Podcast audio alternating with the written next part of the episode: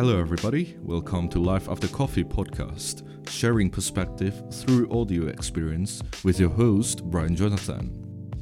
Life After Coffee offers you another point of view in life from friends who are glad to present their life perspective. Just chill down and enjoy your break, and let's get ready for a new light of life you've never seen before. Let's start our life after coffee. Hello everybody, welcome to Life After Coffee podcast with your host Brian Jonathan Dan kali ini gue bareng Dalton Chia lagi Halo Dalton Yo, kita jumpa lagi. Oke, jumpa lagi So, what's up So, Bandung? how are you? Medan, oke lah. Ok. Ya agak kalau untuk orang-orang positif seperti saya agak down beberapa hari ini because setiap hari kabar-kabar orang sini meninggal sana meninggal COVID dan lain-lain. But anyway, we have to keep on doing something daripada takut lebih Oke. bagus kita berbuat sesuatu sebelum mati. Bukan bukan Iya. bergaya sebelum mati ya, berbuat sesuatu sebelum mati. Ya ingat itu, bukan bergaya sebelum mati At least lakukan sesuatu lah sebelum mati Nah kalau lu nanya kabar Bandung Oke lah Bandung sejauh ini Eh, sebenarnya COVID ini bukan hanya menyerang badan, tapi menyerang batin. Rata-rata orang yang takut kena Iya, COVID benar-benar. makin kena COVID. Ya ya ya, That's the makin stres ya. stress. Ketika kamu stres, imun imun sistemnya turun.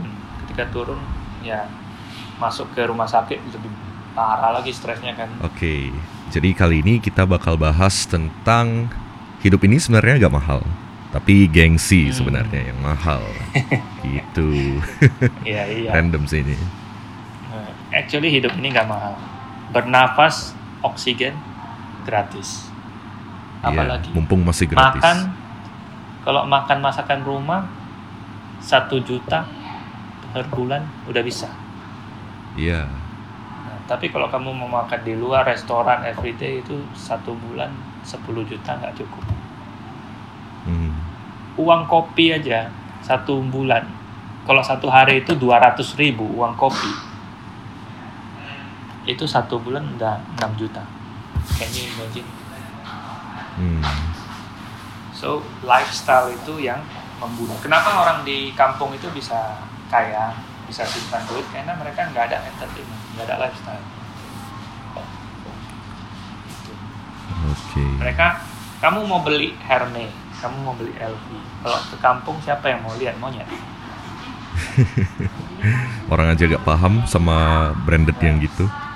That's why I, I really like the this lifestyle of the bule. Mereka eh, punya point, punya goal. Seperti contohnya eh, ada bule yang suka dengan kehidupan di marine life. Dia urusin penyu aja, urusin ikan di laut. Dia nggak perlu branded branded. They buy things yang hanya mereka butuh. Hmm. Seperti see, see. di Medan, people buy things berlebihan. Contohnya sepeda ratusan juta. Tapi dengan sepeda puluhan juta udah bisa mengalahkan dia. Jadi dia beli itu murni hanya untuk gaya. Itu. Hmm. Beli HP spek tinggi ternyata hanya untuk sosmed dan WA. Itu HP 3 juta udah bisa. Nah itulah saya salah satu korbannya. Semua yang spek tinggi. Mau yang mahal. Alah, lu setiap kali beli HP baru terus. Iya, hidup itu tidak mahal. Iya. Yesterday I watched the Gary V. Dia juga bahas tentang ini.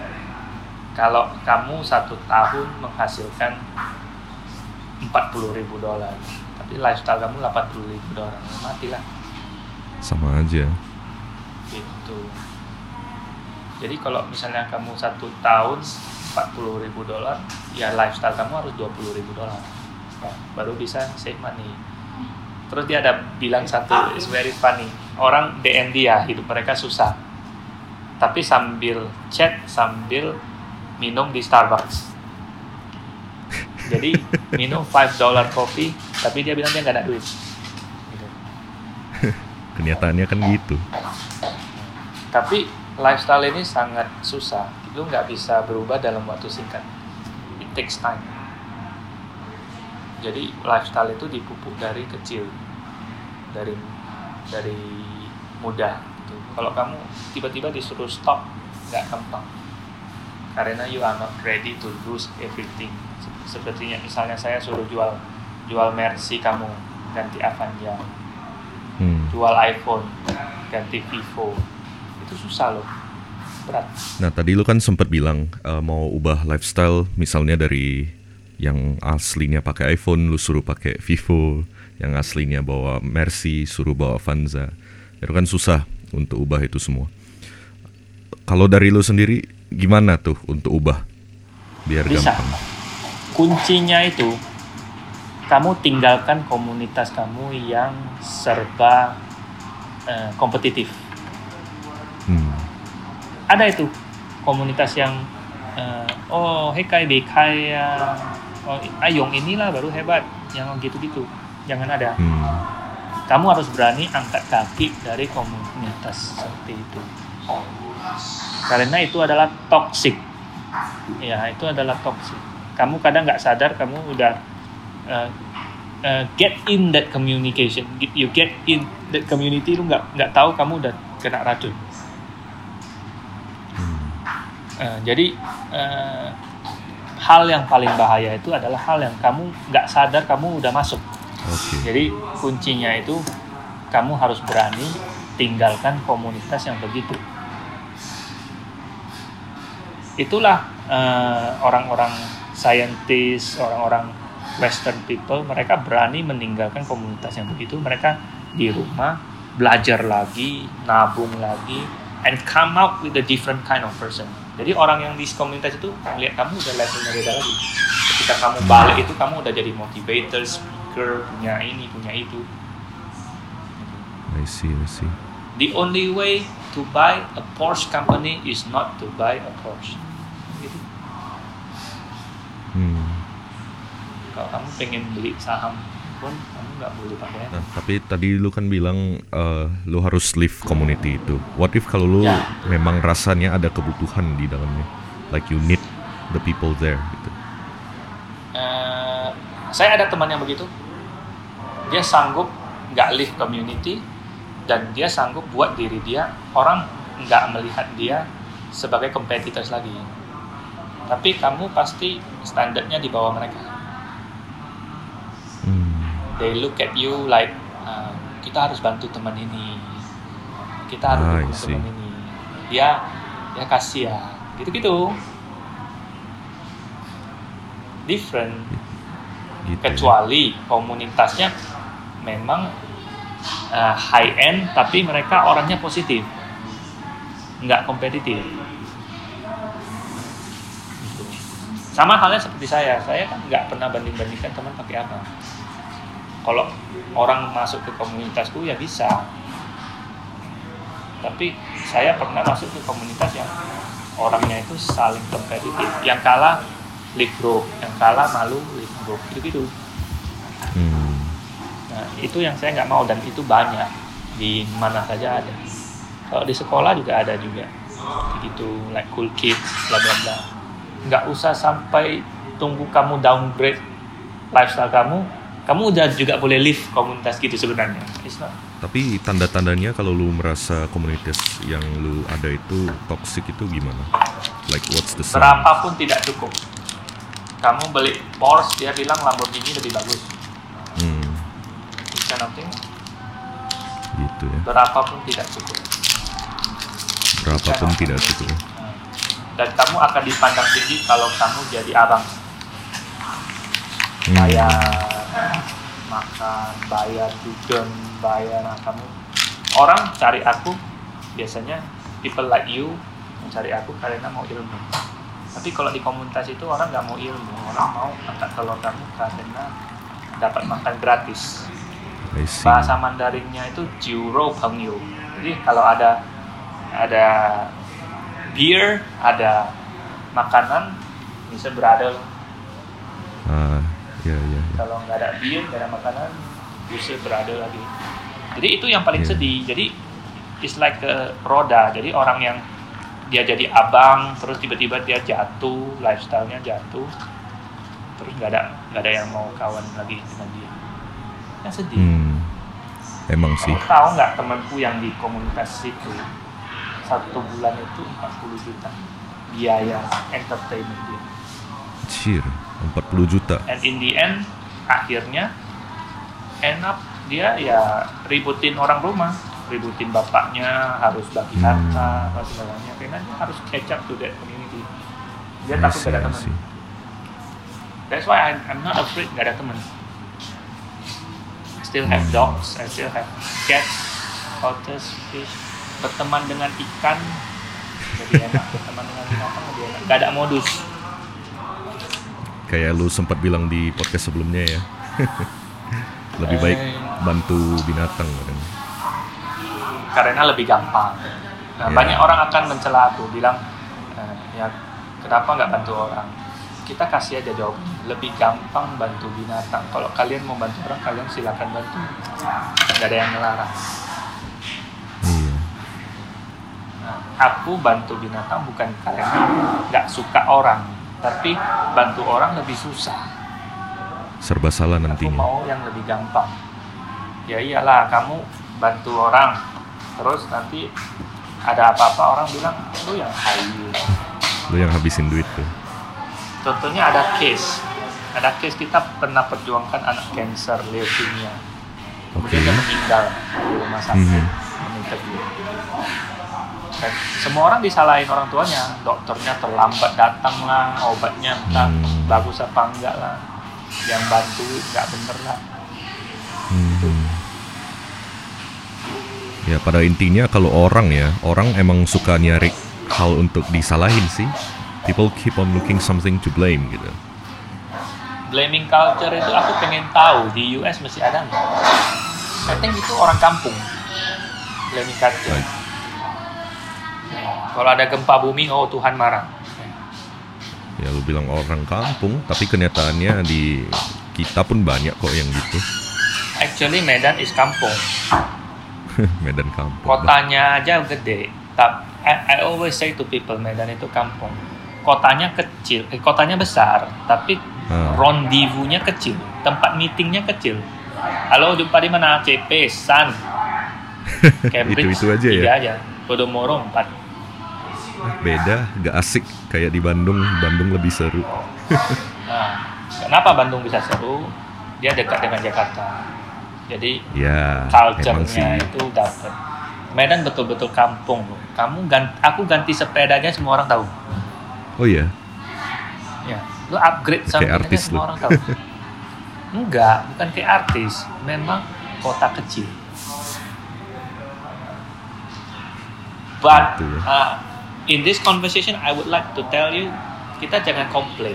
Kita harus melihat sisi baik dari Medan.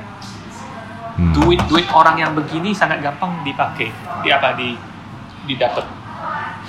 Kenapa tuh? Jadi satu orang beli sepeda mahal Pinarello, semua orang beli Pinarello. Hmm. You just need somebody di komunitas itu untuk naik. Oke.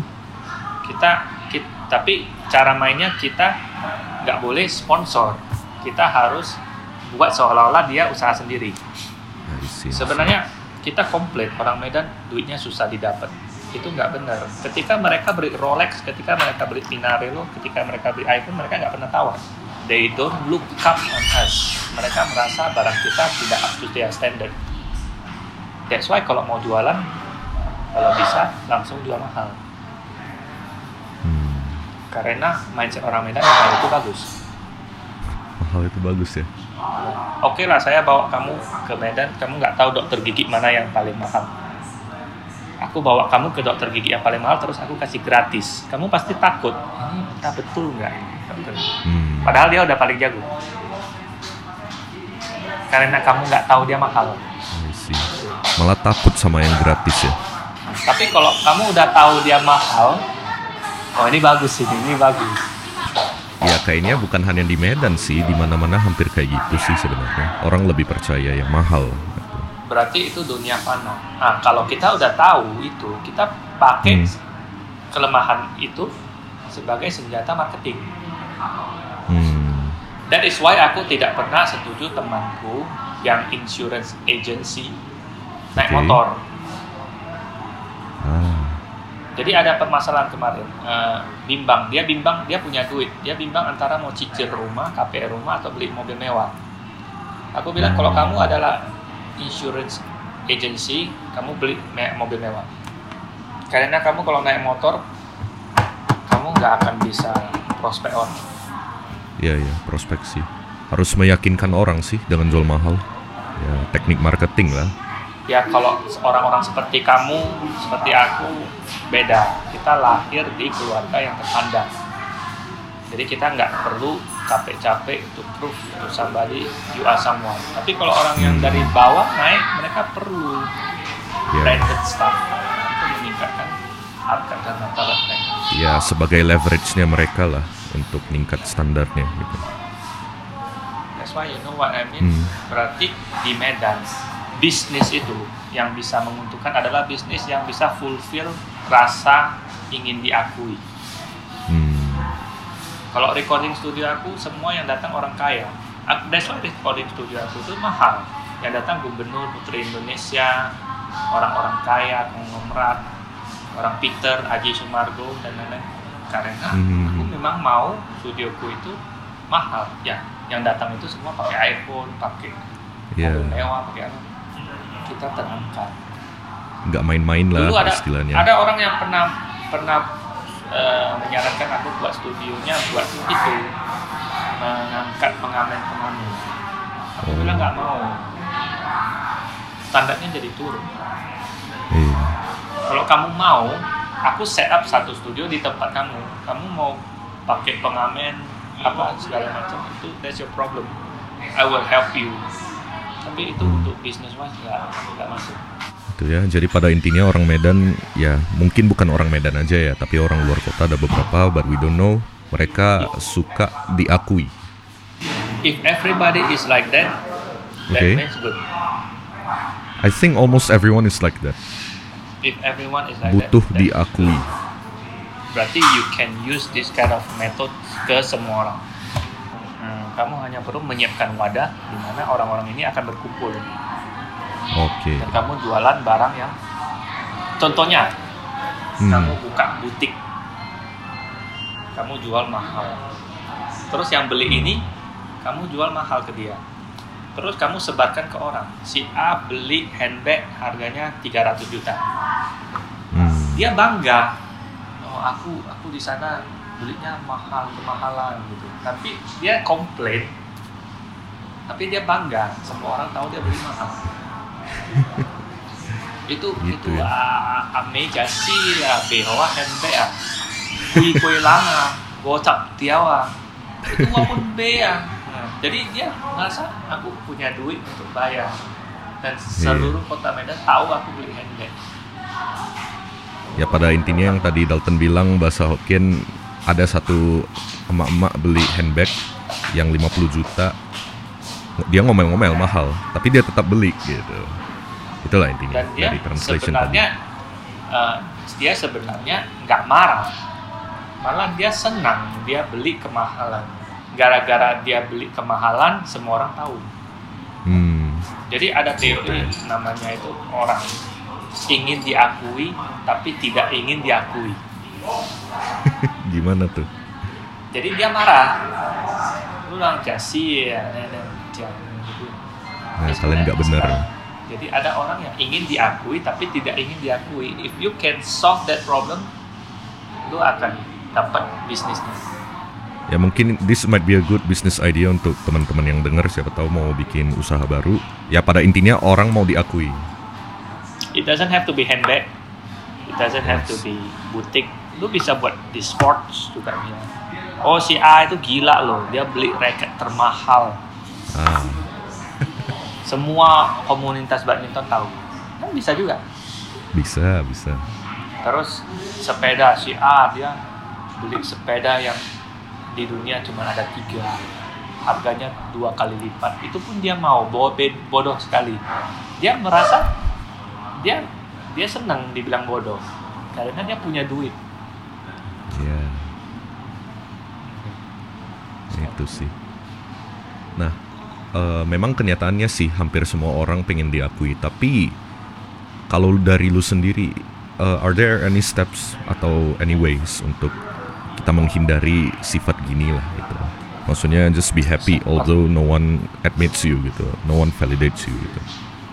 Sepertinya susah manusia itu kita nggak bisa lepas dari kedagingan. Even even jangankan kita biksu, pastor, semua juga pengen pengakuan. Iya sih. Mereka pengen pengakuan tapi tidak pengen pengakuan. Hmm. Bisa sih kamu lepas itu semua kalau eh, tidak ada communication in this world. Yang kayak lu bilang di podcast sebelumnya, no communication, no war.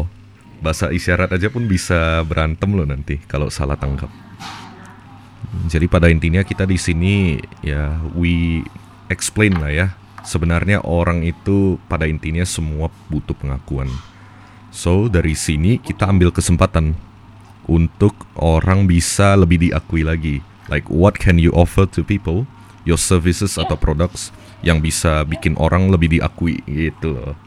Iya. Itu sih pada intinya. Kalau orang orang yang mau bicara, orang yang mau singing, we provide them stage. Yes. Kalau orang yang tidak punya ilmu, we provide them branded stuff. Ya, ya. It's simple. Hmm, jadi Simple. uh, semua orang pengen pengakuan. Seperti ada satu guru, dia nggak pernah pakai barang mewah, tapi karena dia otaknya yang hebat. Jadi dia Ya. sombong karena otaknya. Cuman kadang kasihannya gitu perlu pengakuan tapi tidak eh, menghasilkan duit. Aku nggak mau jadi orang seperti itu. Oh, saya kemarin ke sini. Gubernur panggil saya loh, dia ingat namaku. Hmm. Senang, tapi ya sebatas itu aja. Gubernur ingat nama kamu, terus kamu nggak ada nggak ada dapat proyek, nggak dapat apa. Ya, Susah so juga what? Gitu. Jadi you have to balance cara dapat duit sama cara dapat pengakuan. Itu jalan yang satu jalan tapi relnya berbeda, different line. Hmm. Jangan jangan seperti orang yang begitu. Oh saya di sini loh, mereka semua kenal aku. Tapi kamu nggak ada nggak dapat apa-apa. Nah, jadi pada intinya selain tadi penjelasan kalau emang orang itu butuh pengakuan, you guys harus bikin jasa atau produk agar bikin orang lebih diakui. Kemudian kalau lu emang mau diakui ya uh, you have to have something yang menguntungkan gitu loh. Aside dari kayak tadi yang dibilang Dalton, diakui karena sekedar diingat nama sama gubernur. I mean itu sih ya udah biasa aja. In the end nothing special. Tapi kalau yang special itu ya misalnya lu dapat proyek lah dari big boss. Nah itu baru pengakuan yang produktif. Yuk, kamu pakai kesempatan ini untuk buat acara lain, Ya, buat talk show. yang produktif lah intinya. Iya, jangan senang banyak yang kenal kamu, cuma ya itu aja. Oke deh. Oke. So that wraps up today punya conversation bahwa hidup ini tidak mahal, tapi gengsi hidup ini yang mahal. Gengsinya Oke. yang mahal. Gengsi Very yang good mahal. quote ya. You, Iya, have you keren. ever heard that before? No, no, no. Haven't heard about that. Tiba-tiba aja lu munculin itu. Karena saya pernah masuk ke kampung di Bukit Lawang. Oke, itu satu tuh? keluarga biaya hidupnya itu 300 ribu per bulan. Can you imagine? Oh, itu udah really? termasuk rokok. Iya. Itu biaya orang di kampung. Di Medan 3 juta itu nggak cukup satu bulan. Hmm. Kalau uang kopi aja 50 ribu per hari, kamu kali 30 udah berapa? So buat teman-teman yang mungkin ada pertanyaan atau mau didiskusikan atau butuh tips dari mentor Dalton Jia, ya boleh aja kontak dan we'll see you in the next episode of Life After Coffee. So with your host Brian Jonathan signing out and with Dalton Jia. See you guys. Okay, bye-bye. Bye.